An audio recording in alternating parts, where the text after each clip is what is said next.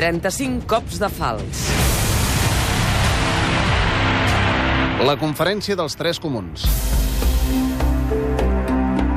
Una conferència en la que es reunien els representants de la Diputació del General, és a dir, de la Generalitat, del Consell de Cent Barceloní i del Braç Militar, i en el que el nombre de ciutadans honrats i de nobles era paritari.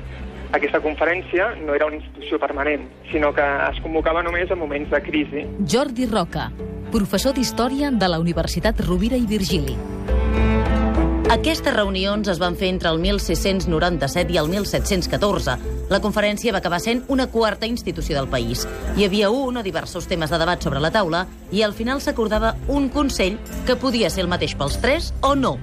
El motiu de la convocatòria de la conferència sempre era un problema que s'escapava de la competència d'un sol comú. Per tant, necessitaven aquesta coordinació extra.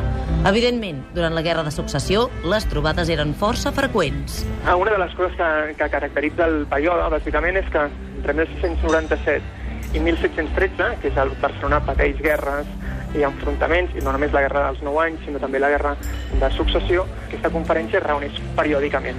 I aquesta, el que es dedica sobretot és a preservar i a renovar el constitucionalisme català.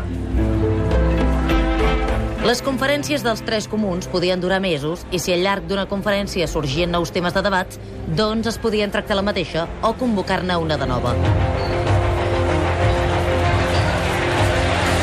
Sabem quina era la intenció de les trobades i fins i tot que durant la Guerra de Successió van ser força freqüents. Ara bé, com treballaven? Com es prenien aquestes decisions? Aquesta concepció de les institucions era una concepció republicana basada en un consens entre els diferents sectors socials implicats a, en el funcionament de la ciutat i del Principat de Catalunya. I ara, 300 anys després, vist en perspectiva, quin paper va jugar la conferència dels tres comuns? Es va convertir aquesta conferència en una mena de motor de la renovació de les institucions. Hauríem d'estar pensant que era el principal actiu de transformació i de renovació de les institucions catalanes. La conferència dels tres comuns va estar activa fins com a mínim l'abril del 1714.